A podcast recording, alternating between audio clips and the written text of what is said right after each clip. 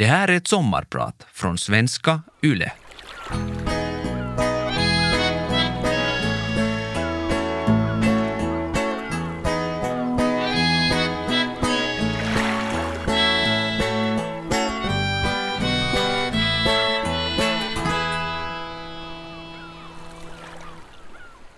Det är mitt i natten och vi befinner oss på en förlossningsavdelning i Förenade Arabemiraten.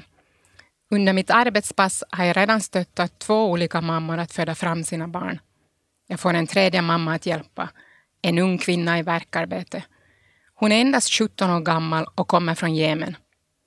Fatima är en tunn och kortväxt flicka. Hon har bara en liten rund mage.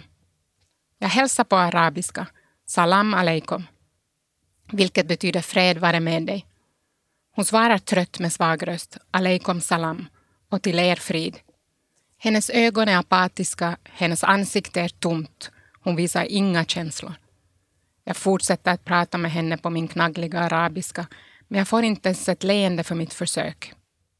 Vid hennes sida står en man i kritvit kandura, en traditionell manlig dress från Arabemiraten. Hans ögon är trötta. Han har mycket grått i sitt mörka skägg. Han hälsar svagt och lämnar sedan rummet. Fatima kan lite engelska så vi fortsätter så. Hon berättar att hon flyttade till Arabemiraten då hon som 15-åring gifte sig med sin mycket äldre man. Det finns ingen laglig minimiålder för äktenskap i Jemen och hennes äktenskap var arrangerat. Hon ville inte bli gravid och hon ville inte ha barn. Inte ännu i alla fall. Efter många timmar föder Fatima en dotter. Hon är helt slut efter en lång förlossning och hon har inga känslor för sin nyfödda flicka. Hon ber mig att gå ut med barnet till pappan den 70-åriga mannen med det gråa skägget. De två åren jag jobbade som barnmorska i Arabemiraten var ögonöppnande för mig.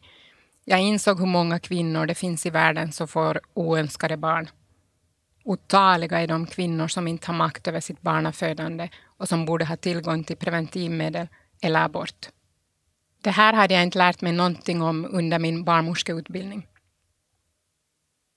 Jag kände med kvinnorna som inte själva fick bestämma över sina kroppar.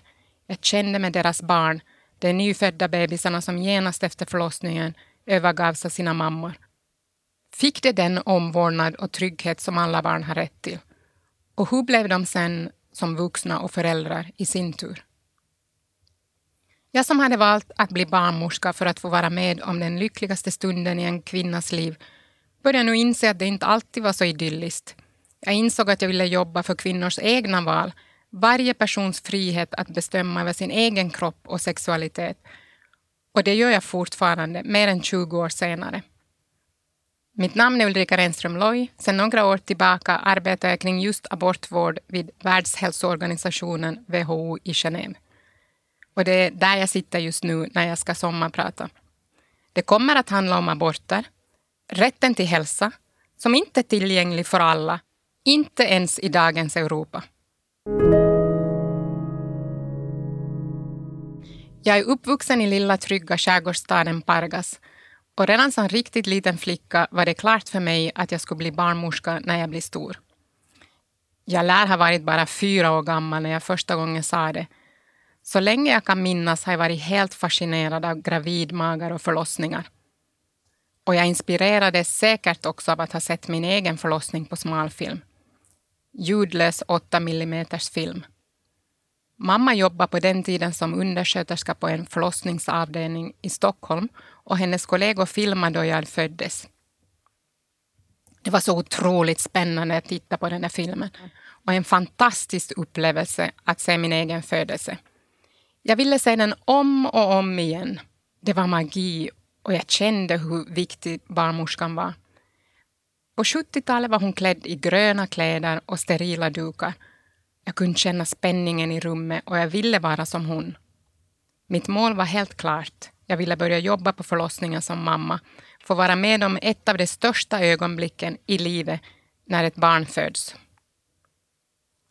Som fyra-femåring gick jag i kyrkans barnklubb i Pargas och jag glömmer aldrig gången då Finska missionssällskapets missionär Ket Sainio kom på besök. Hon är sjuksköterska och barnmorska och berättar om sitt spännande arbete i Afrika. Hon har diabilder med sig och berättar med inlevelse om sitt liv i Senegal.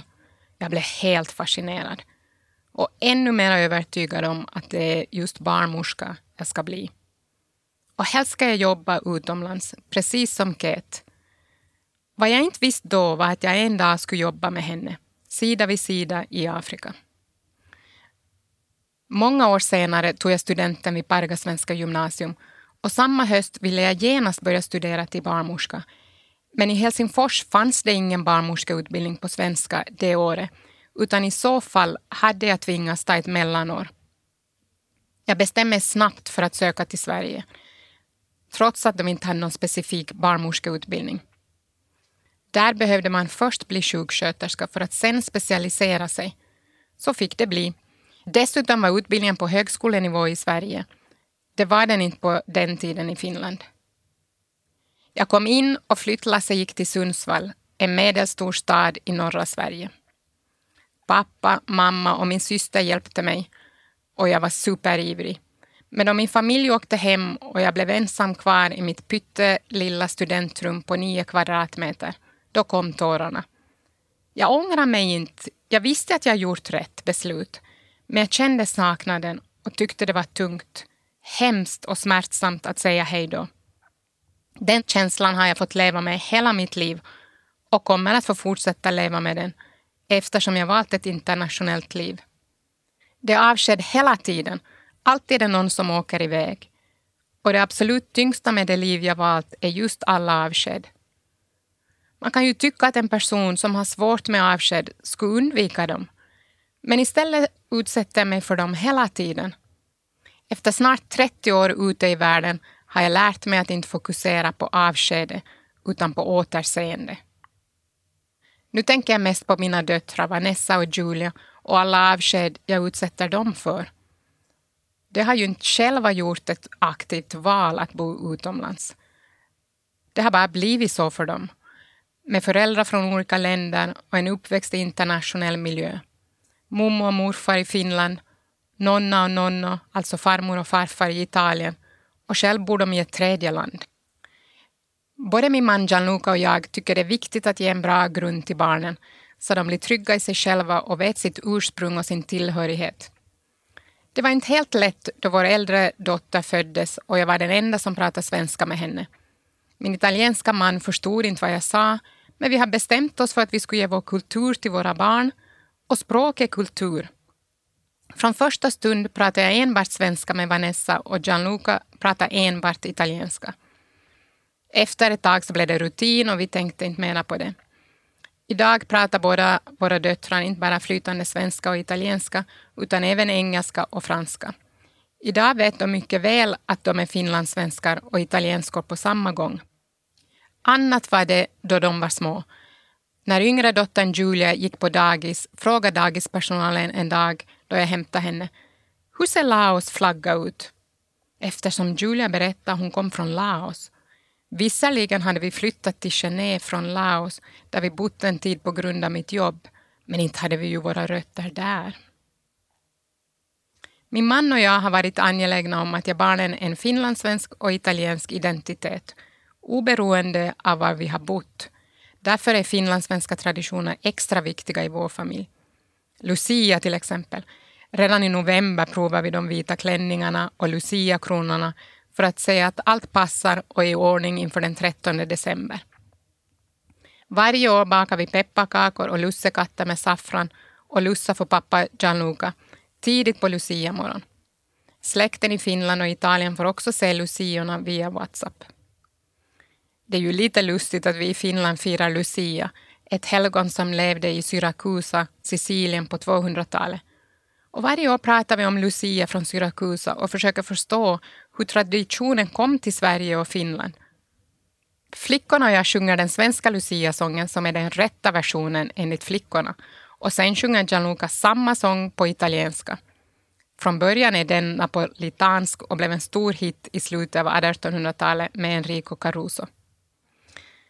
Då jag själv var liten lussade min syster och jag för vår pappa och det är en tradition som jag kunde ge vidare till mina flickor. Sånt känns viktigt då mycket annat från min barndom i Pargas är så annorlunda jämfört med deras internationella uppväxt. Som nybliven mamma var det otroligt svårt att förhålla sig till olika traditioner, tankesätt och kulturer. Högtider och traditioner som var viktiga för mig, som jul och påsk, kunde inte bli likadana som de var under min uppväxt. Skolstart för barnen och andra milstolpar. Allt blev annorlunda och jag hade en ständig kamp inom mig. När vi var i Italien fick jag frågor som varför ska flickorna så tidigt i säng? Ska de äta middag redan nu? Men då vi var i Finland var det ger du inte havregrynsgröt till frukost? Nu efter tio år kan jag skratta åt alla olikheter och alla kommentarer, men det har inte alltid varit så lätt. Efter att jag utexaminerats som sjuksköterska från Högskolan i Sundsvall gick min barndomsdröm i uppfyllelse. Det vill säga den dröm jag hade när jag satt på golvet i församlingens dagklubb hemma i Pargas och tittade på missionären Ket Sainios diabilder. Jag fick nämligen möjlighet att åka iväg som volontär till Angola där Ket jobbade just då med sitt lilla team i staden Shangalala i södra delen av landet. Det blev en helt oförglömlig upplevelse.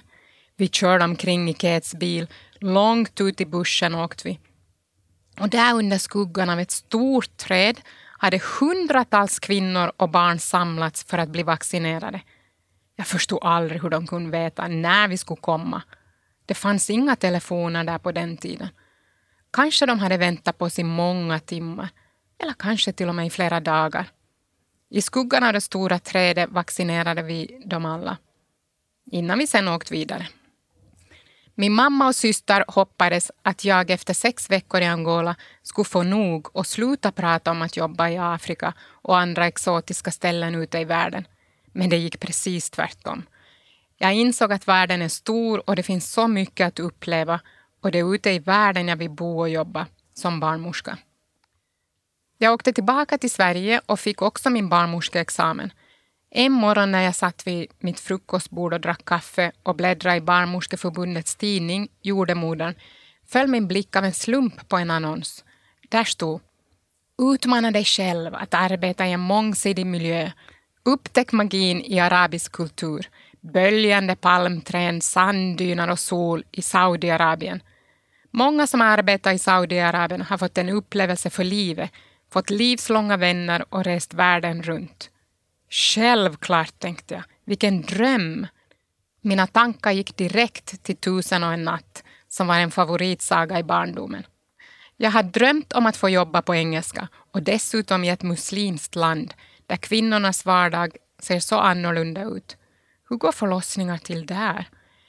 Jag lämnade in min ansökan samma dag och fick jobbet. Det här var 1999 då Saudiarabien var känt som ett av de mest auktoritära länderna i världen med alarmerande ojämlikhet mellan kvinnor och män. På den tiden som jag bodde och arbetade i Riyadh hade kvinnor ingen rätt att köra bil. Dessutom fanns restriktioner kring utbildning och kvinnor fick inte heller besöka biografer, musikkonserter eller idrottsarenor. Idag är flera av de här förbuden tack och lov historia. Men visst har det en lång väg att vandra innan landet är jämställt på riktigt. Hoppas att det en dag kan bli det. Det var definitivt en kulturkrock att landa där. Inte bara för att kvinnornas liv såg så annorlunda ut jämfört med Norden, utan också för att jag fick jobba på ett helt nybyggt lyxsjukhus det privata sjukhuset Kingdom Hospital var ett av de mest moderna och välutrustade privata sjukhusen i Saudiarabien. Tanken var att patienterna skulle få service som vid ett femstjärnigt lyxhotell. Det var en otrolig omställning efter att ha jobbat vid ett helt vanligt landstingssjukhus i Sverige, för att inte tala om Angola. Här var arbetstakten helt annan. Patienterna var rätt få och oftast var det prinsessor eller fruar till miljardärer. En kväll efter att jag hjälpte mamma att föda sina tvillingar stod jag vid hennes säng med ett av barnen i famnen. Hon frågade mig Ulrika, har du barn? Jag svarade nej, jag är inte gift och jag har inga barn. Jag såg hur ledsen hon blev. Hon funderade en stund och sen sa hon Du kan få bli min mans tredje fru. Jag blev helt paff. Jag förstod vilken ära det var att bli erbjuden att få gifta sig med en saudier. Hon bjöd in mig till sin familj. Hon ville bli min syster. Jag kände allvaret i hennes erbjudande, så det var inte läge att skratta. Men jag visste inte vad jag skulle svara, men till sist sa jag Tack för det fina erbjudandet, men jag är inte muslim. Kvinnan tyckte inte det var en ursäkt. Hon förklarade att jag lätt kunde konvertera. Hon berättade hur fin hennes man var och hur han skulle ta hand om mig. Jag var då 27 år gammal och enligt henne alldeles för gammal för att vara ogift. Hon tyckte synd om mig. Dessutom var jag ensam i ett land långt borta från mitt hemland och arbetade 48 timmar i veckan och jag var tvungen att ta hand om mig själv. Den här upplevelsen ändrade min syn på allt. Jag hade trott att jag var lyckligt lottad och hade ett fantastiskt liv. Men det var synd om henne som bodde i ett land med oroväckande ojämlikhet mellan könen, strikta klädregler, obligatorisk könssegregering och förbud mot kvinnliga förare. Men nu tyckte hon synd om mig. Allt har alltid två sidor. Följande dag då jag kom till jobbet gav kvinnan mig ett guldarmband och en koran med text på arabiska och engelska. Jag kommer aldrig att glömma henne. Hon lärde mig att se världen med öppen blick, inte enbart med mina västerländska ögon. Jag valde att följa min dröm och passion, vilket inte var att bli tredje fru till en saudiarabisk miljardär. Livet är fullt av vägskäl, stora och små, och vid varje vägskäl finns det ju olika valmöjligheter. Och tidigt fick jag lära mig att varje gång man väljer någonting väljer man samtidigt bort något annat. Min vägvisare och kompass i livet har alltid varit min passion. Och det har hela livet varit att få jobba med sexuell och reproduktiv hälsa. Att få förbättra kvinnors och flickors liv. Ett av de svårare vägskälen jag stått vid var gången då jag precis fått jobb som flygande barnmorska på Grönland. Jag fick en tjänst på sjukhuset i huvudstaden Nuuk och placering på förlossningsavdelningen. Det betydde att jag också skulle vara redo att åka iväg med helikopter till glesbygden för att hjälpa födande kvinnor på avlägsna platser dit det inte gick vägar. Jag som alltid tyckt att det var spännande med helikoptrar och att flyga skulle nu få ha det som mitt jobb. Jag var superentusiastisk och förberedde mig genom att köpa varma kläder. Hettan i Mellanöstern skulle nu bytas ut mot kylan i Arktis. Några dagar efter att jag fått min flygbiljett till Grönland fick jag ett annat jobberbjudande. Också det är ett superspännande jobb, men vid UNFPA, alltså FNs befolkningsfond, med placering i Bolivia. Där stod jag med två jobberbjudanden, båda drömjobb, men väldigt olika. Hur skulle jag välja? Innerst inne visste jag vad jag ville, men jag ville också höra andras resonemang kring mitt val. Mina kära föräldrar spelade som vanligt en stor roll. Mamma tyckte jag skulle åka till Grönland. Hennes argument var att jag redan lovat sjukhuset nog att jag skulle komma.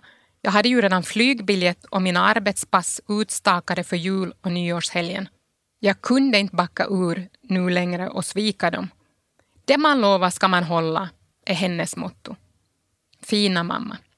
Pappa igen argumenterade för att FN-jobbet var en bra merit och att sjukhuset i Nuuk alltid skulle finnas kvar, medan det knappast skulle vara lika lätt att få in foten i FN en gång till. Jag valde rätt, det vet jag idag. Jag valde Bolivia och genom det fick jag en karriär inom FN där jag fortfarande jobbar kvar. En annan gång jag valde rätt var då jag erbjöds ett jobb i New York för IPPF, International Planned Parenthood Federation. Det här var efter Bolivia. Jag hade bott några år i London och tagit min magisterexamen vid London University. Min magisteruppsats handlade om hälsovårdspersonalens attityder till abort. Och nu erbjöds jag alltså ett jobb i underbara New York med Latinamerika som arbetsfält med fokus på tillgång till säkra aborter ett drömjobb med mycket resande. Men igen en gång hände samma sak. Bara någon dag senare erbjöd FN mig ett nytt jobb för UNFPA. Den här gången med placering i Juba i Sydsudan. Alla mina vänner rådde mig att välja New York. Det här var tiden då tv-serien Sex and the City var stor. Mina vänner tyckte alla att jag är galen om jag väljer bort chansen att bo i New York ung och singel som jag var. Men jag gick på magkänsla och passion också den här gången och valde krigshärjade Sydsudan i östra Afrika.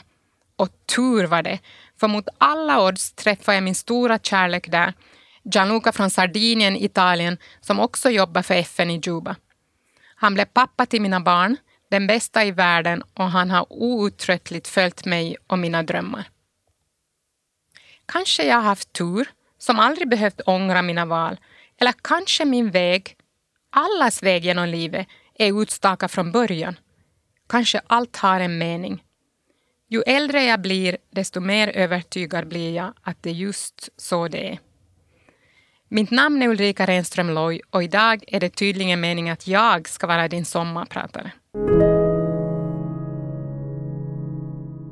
Efter min tid på det där femstjärniga lyxsjukhuset i Saudiarabien jobbade jag ännu ett par år i Mellanöstern. I Abu Dhabi i Förenade Arabemiraten, det var där vi började här sommarpratet. Det var där jag mötte 17-åriga Fatima som inte ville ha sitt barn. Och jag mötte många andra kvinnor i hennes situation. Jag var med om över tusen förlossningar på ett statligt sjukhus utan någon som helst lyx. Bland föderskorna fanns många gästarbetare från länder som Bangladesh, Pakistan, Indien och Sri Lanka. Otaliga var de kvinnor och tonårsflickor jag träffade som inte hade makt över sitt barnafödande. Kvinnor som var ofrivilligt gravida och inte hade någon valmöjlighet, inte hade tillgång till preventivmedel eller abortvård. Jag träffade många kvinnor i 40-årsåldern som fick sitt tionde eller elfte och till och med tolfte barn och som inte längre var intresserade av barnafödande. Det var där jag på allvar förstod att inte alla kvinnor själva bestämmer över sin kropp. Och det var där jag bytte fokus. Jag som utbildat mig att få ta emot barn till världen börjar nu istället fokusera mera på kvinnans rätt att själv bestämma över sin kropp om hon vill bli gravid och sen fortsätta en eventuell graviditet eller inte. I alla tider har kvinnor försökt styra över sitt barnafödande. Det finns tecken på att kvinnor avsiktligt försökt att avbryta graviditeter så långt tillbaka i tiden som man kan se. Kvinnor i antikens Rom och klassiska Aten kände till en rad olika metoder för att förhindra eller avbryta en graviditet. Men våra samhällen har också försökt begränsa aborter med hjälp av lagar och straff och genom det inskränkt kvinnors rätt att bestämma över sig själva, sina kroppar och sina liv. Fram till 1800-talet var det få länder som förbjöd aborter i lag. Men i slutet av 1800-talet blev det allt vanligare att införa straff för aborter. Europeiska stormakter som Frankrike, Storbritannien, Spanien, Portugal och Italien stiftade abortlagar som de också tvingade på sina kolonier det vill säga stora delar av världen. Dels så vill man minska antalet osäkra aborter och alltså skydda kvinnorna och dels ansågs aborter vara en synd och lagarna var avsedda att straffa kvinnorna men lagarna skulle också skydda fostrets liv. I Finland har vi haft en abortlag sedan 1950. Den var mycket sträng och begränsande. Man kunde bara få abort till exempel om kvinnans hälsa eller liv var allvarligt hotat fostret var missbildat eller om den gravida kvinnan var under 16 år. Våldtäkt eller incest var acceptabla skäl endast om de hade polisanmälts. Beslutet att få abort krävde dessutom två läkares samtycke. Men en viktig och betydande förändring var att aborterna nu juridiskt sett fanns under abortlagen. Före det hörde de hemma i straffrätten i praktiken betydde det att aborterna från och med nu kontrollerades och övervakades av läkarna, inte av juristerna.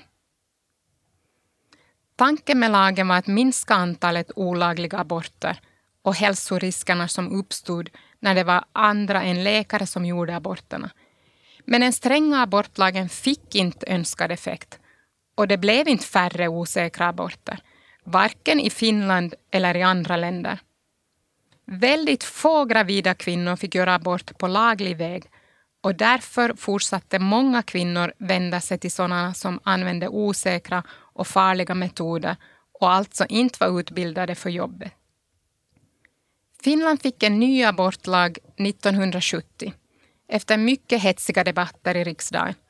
Den lagen var mindre sträng än den tidigare och tillät bland annat aborter av sociala skäl. Intressant nog så poängterades inte kvinnornas rättigheter i diskussionerna utan betoningen låg igen på syfte att minska antalet olagliga aborter.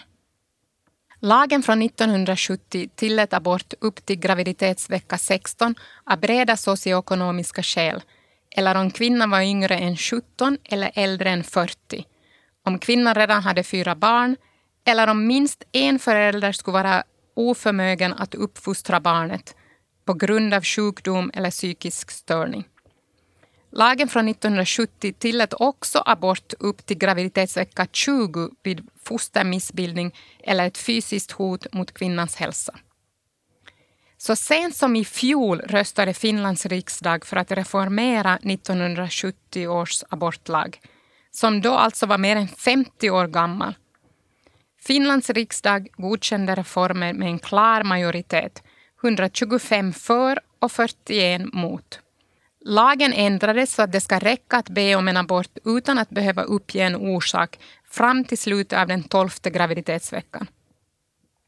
Också efter det kan graviditeten avbrytas om den gravida vill det om fortsatt graviditet eller förlossning skulle medföra fara för hennes liv eller hälsa.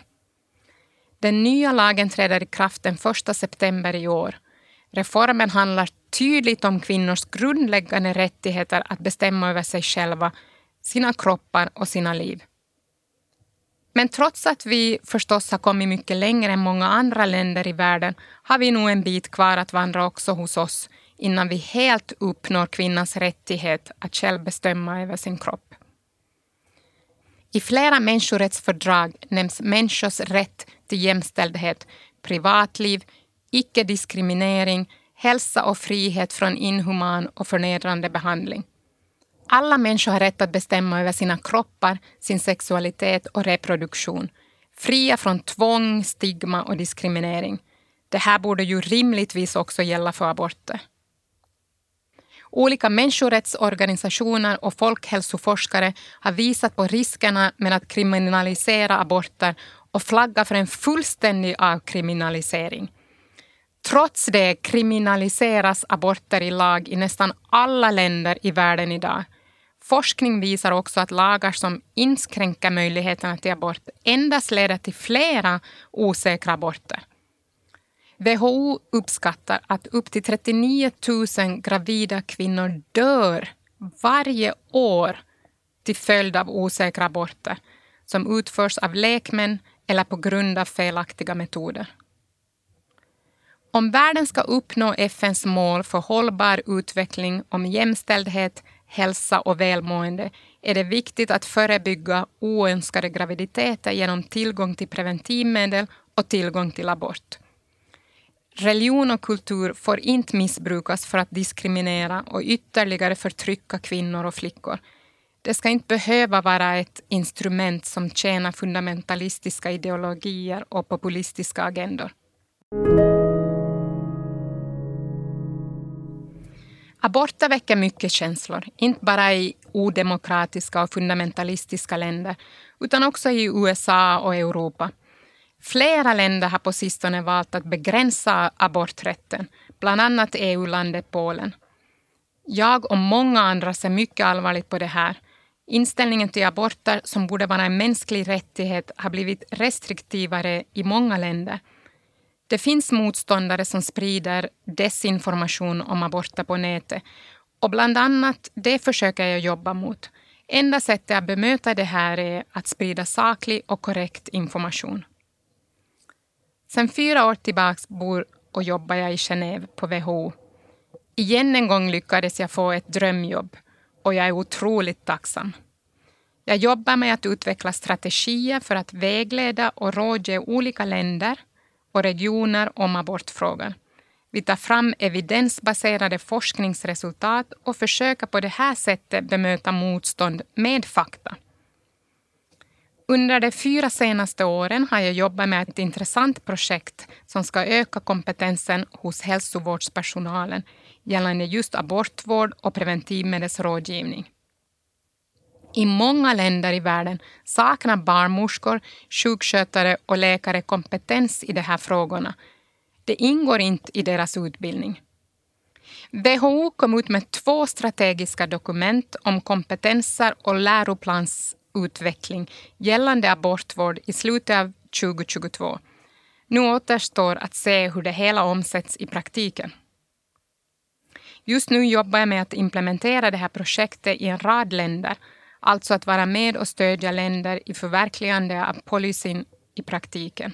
Det vill säga i slutändan hjälpa kvinnor och flickor att få tillgång till preventivmedelsrådgivning och abortvård.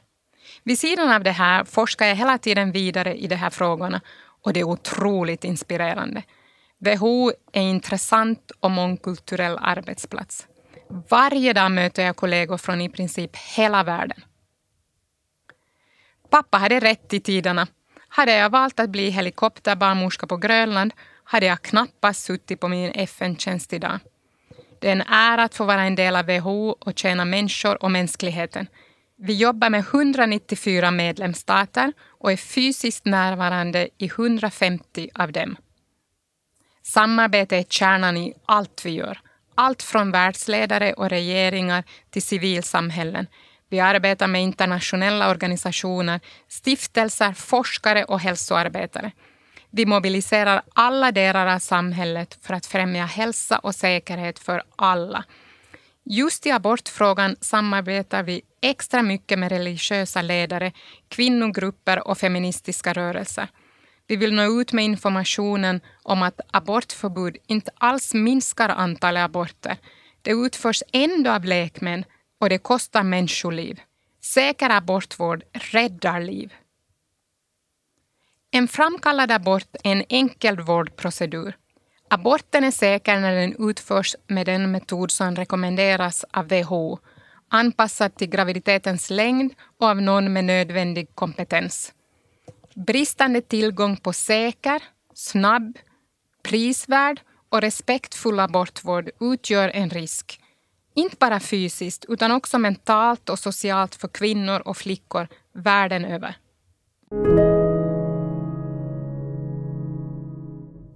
Det går inte att komma ifrån det faktum att om vi begränsar aborträtten med stränga lagar drivs flickor och kvinnor istället mot osäkra aborter som leder till komplikationer, till och med döden. Det här drabbar kvinnor och flickor från de fattigaste och mest marginaliserade samhällena oproportionerligt mycket.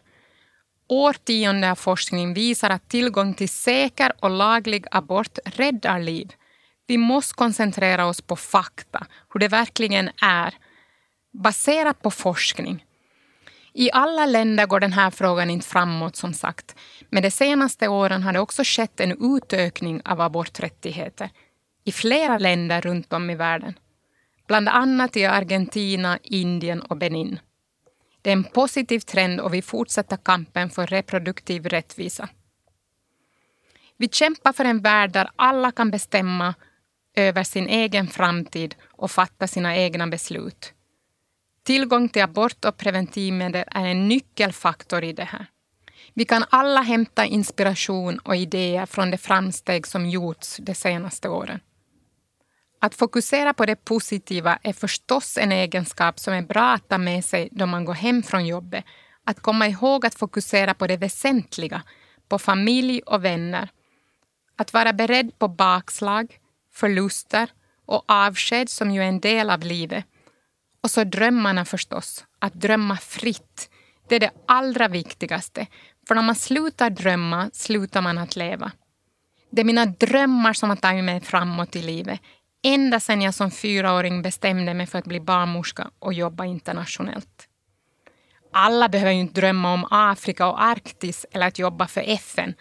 Drömmarna kan vara betydligt mindre än så, men ändå stora. Så min uppmaning till dig som lyssnar är dröm fritt. Var inte rädd för att misslyckas. Våga välja då du står i ett vägskäl. Står du still kanske du väljer bort två fina möjligheter och då händer ingenting.